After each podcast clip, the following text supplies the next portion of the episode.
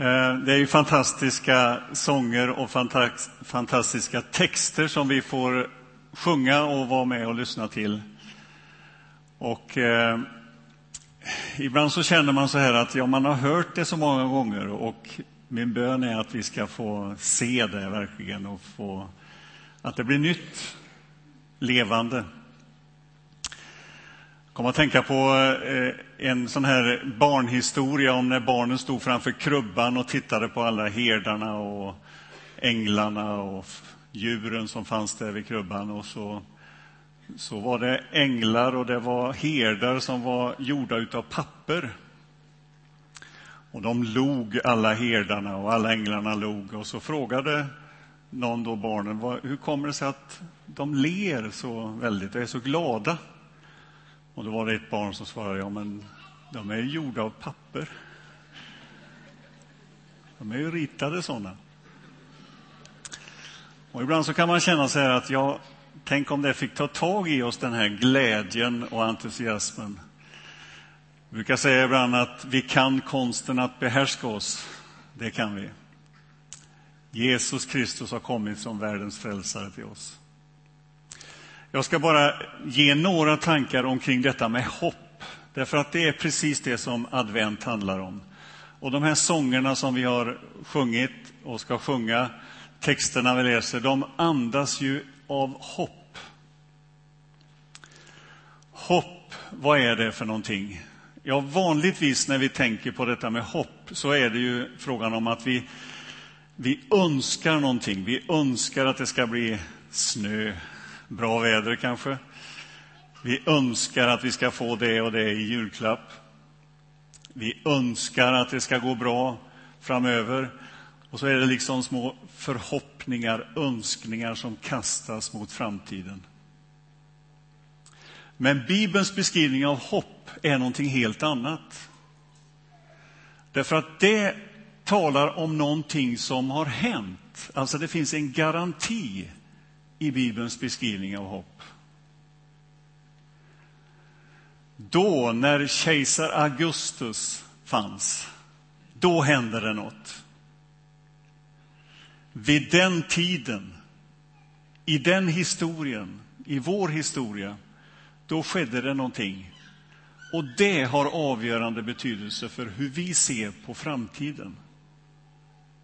Det ger oss hopp. Alltså, vi ser tillbaka för att kunna se framåt. Det är inte bara en from förhoppning, utan det är en visshet. Vi vet någonting. Låt mig få ge en enda bibelvers som vi ska stanna lite inför. Och den hämtar vi från Romarbrevet 15 och 13. Och den finns här på skärmen. Romarbrevet 15 och 13. Må hoppets Gud fylla er tro med all glädje och frid och ge er ett allt rikare hopp genom den helige Andes kraft. Hoppets Gud talas det om.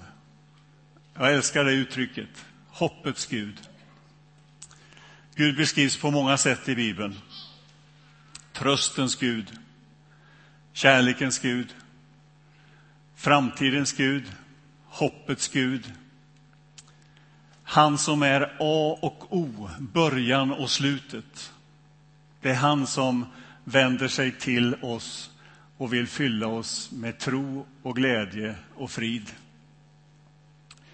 Hopp är Guds vilja som kommer till oss från framtiden. Våra önskningar, våra förhoppningar, det är som ljusen som vi tänder på bordet, stearinljusen. De är liksom önskningar, förhoppningar om framtiden. Medan Guds hopp, som han vill ge oss, det är som en, en soluppgång en sommardag i juli, tidigt på morgonen, när solen går upp över horisonten. Någonting som kommer till oss framifrån. Så om våra förhoppningar liksom är de här önskningar som vi kastar så är Guds hopp, Guds framtid för oss någonting som kommer till oss framifrån. Och det är ju en väsentlig skillnad. Och det är så som det beskrivs, att Gud har en framtid för oss. I Jeremia så står det, jag vet vilka tankar jag har för er, säger Herren, till att ge er en framtid och ett hopp. Alltså inte destruktiva, en destruktiv framtid, utan en fridens, en eh, fredens framtid. Den vill han ge oss. Han har goda tankar om oss. Gud är inte nyckfull. Gud är hoppets Gud. Och så om man ändrar på ett ord i den där versen, och vi ska göra det, då blir det lite närmare. Må hoppets Gud fylla din tro med all glädje och frid och ge dig ett allt rikare hopp genom den heliga Andes kraft. Då kommer det lite närmare. In i dina drömmar, in i din värld, där du står i. Alltså, Gud har en anknytningspunkt i ditt liv. Må hoppets Gud fylla din tro. Du har en tro. Var du än står någonstans, vad du än kallar dig, så har du den anknytningspunkten. Och när jag har tänkt på det där så eh, kommer det ju naturligtvis bilder och, som man försöker att beskriva det här. Och, och, det är väl inte alltid som ni kanske hänger med i mina båt och sjöbilder, men jag, jag försöker ändå. Alltså när man kommer med en båt och ska lägga till vid en, eh, en ö som är ganska så kanske brant, brant berg på framsidan, då är det inte enkelt att lägga till. Och det är inte så lätt att få liksom en, en hållhake, någonting att lägga fast vid. Men om det finns en brygga vid berget, då är det ju någonting helt annat. Och tänk den bilden nu, att det är den anknytningspunkten som Gud har lagt ner i ditt liv. Han vill fylla din tro, alltså där du står, din kapacitet, din förmåga att säga ja, att säga nej. Din förmåga att söka, att bulta, att klappa på. Det är den brygga som Gud har lagt ner i varje människas liv. Det är den anknytningspunkt. Det som Gud liksom hakar fast vid i ditt liv. Alltså han, han, han har redan varit där. Han söker dig och han som söker dig finns nära dig. Han vill fylla din tro med all glädje och frid. Jag mötte för inte alls så länge sedan en person som sa till mig att jag känner mig så oerhört tom här inne. Trots att jag har allt. Trots att vi har gjort den här köksrenoveringen. Vi har gjort alla charterresor. Så är jag tom tom här inne. Och kanske det också är din upplevelse av livet, att det är tomt. Han vill fylla din tro. Han vill fylla oss med sitt liv. Inte på ett sådant sätt så att vi befrias från allt vad bekymmer och oro och motigheter och svårigheter som finns. Utan att han vill ge oss en förankring i livet. En fästpunkt. Någonting att lita på, någonting att stå stadigt på genom livet. Och det är precis det som de här texterna och sångerna handlar om. Han vill ge oss ett hopp. Hopp är Jesus i oss, Jesus i mig. Att Jesus Kristus själv, han som föddes för över 2000 år sedan att han vill födas i mitt liv. Och då blir det inte bara sångerna och texterna någonting som handlar om där och då, utan det blir någonting som händer här och nu i våra liv.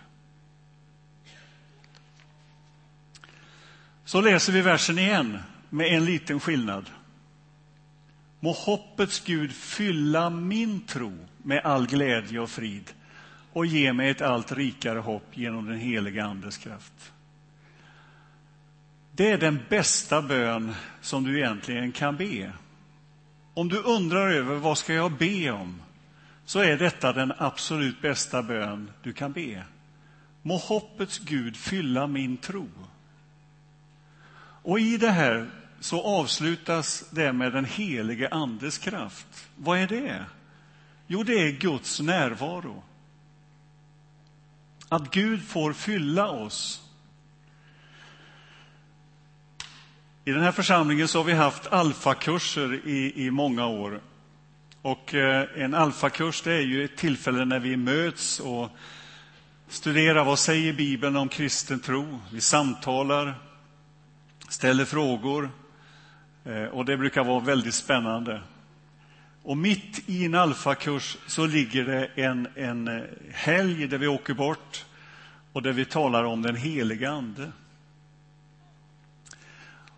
Och ibland så kanske vi har tänkt så här i, vår, i vårt oförstånd, skulle jag vilja säga, att detta med den heliga Ande, det, det är någonting som vi kanske inte ska tala så tydligt om i den meningen att det kanske är främmande för människor som aldrig hört talas om det.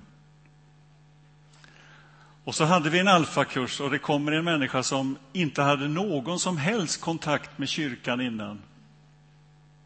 Och kommer hit. Och så beskriver vi kursen och talar om att mitt i så ligger det en helg där vi talar om den heliga Ande. Oh, vad bra! Den heliga Ande, var ska ni tala om det om inte i kyrkan? Och inte i en sån kurs. Alltså, det var självklart och givet. Och så är det. Den helige Ande är så att säga nyckeln in i våra liv. Det finns ett ord som Jesus använder om den helige Ande. Han beskriver den helige Ande som hjälparen. Och jag älskar det uttrycket. Att hjälparen vill bo i våra liv. Och när Jesus talar om hjälparen så är det inte en tillfällig gäst, utan han talar om ett permanent inneboende i våra liv. Han ska vara hos er för alltid, sa Jesus till lärjungarna när han talade om Anden.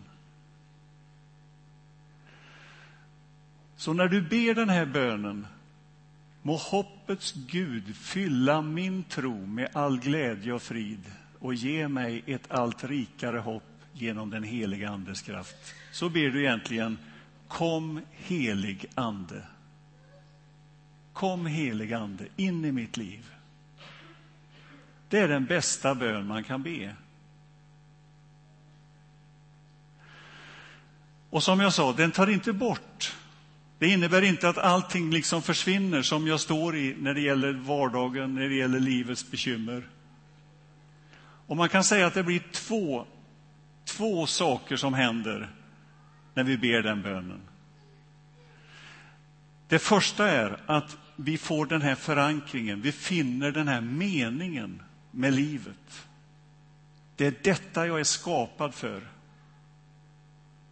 Det är detta som är livets mening i dess djupaste innebörd. Att jag tillhör Gud, skaparen. Jag är skapad för det. Det är det ena. Det andra innebörden, det är den här känslan av att ju mer jag fylls av den heliga Ande, desto större blir hemligheten, mysteriet. Vi har en hemlis, Gud och jag, är någon som har skrivit. Alltså, vi har en hemlighet och den fördjupas och blir större ju mer jag fylls av den helige Ande. Alltså, jag blir inte mätt mätt och färdig. Utan jag börjar en vandring, ett liv tillsammans med honom. Och dessa båda känslor, känslan av mening, av att ha hittat hem, att ha hittat rätt och känslan av att det här är så stort och det blir större och större. Jag kan liksom inte greppa det. Båda de här känslorna kännetecknar livet med Jesus, livet med Gud. Frank Mangs, en känd evangelist som verkade under många år här i Sverige och i Skandinavien. Han fick en gång frågan, vad är det att vara en kristen? Och så svarar han, det är att vara både hungrig och mätt på samma gång. Mätt i den meningen att jag har funnit det jag har sökt. Och hungrig i den meningen att det skapar liksom en, ett, ett liv, en aktivitet, en strävan, en längtan som aldrig tystnar där inne.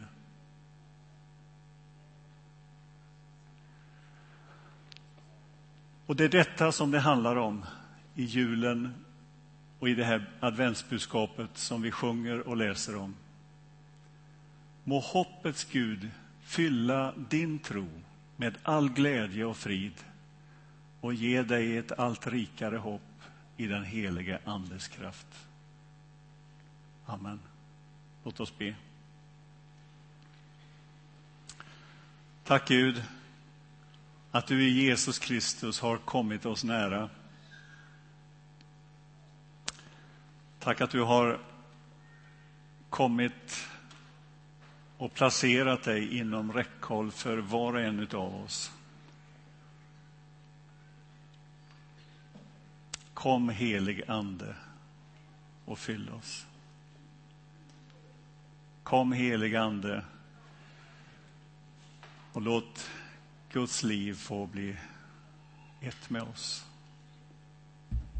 Tack att vi får ta emot dig. Amen.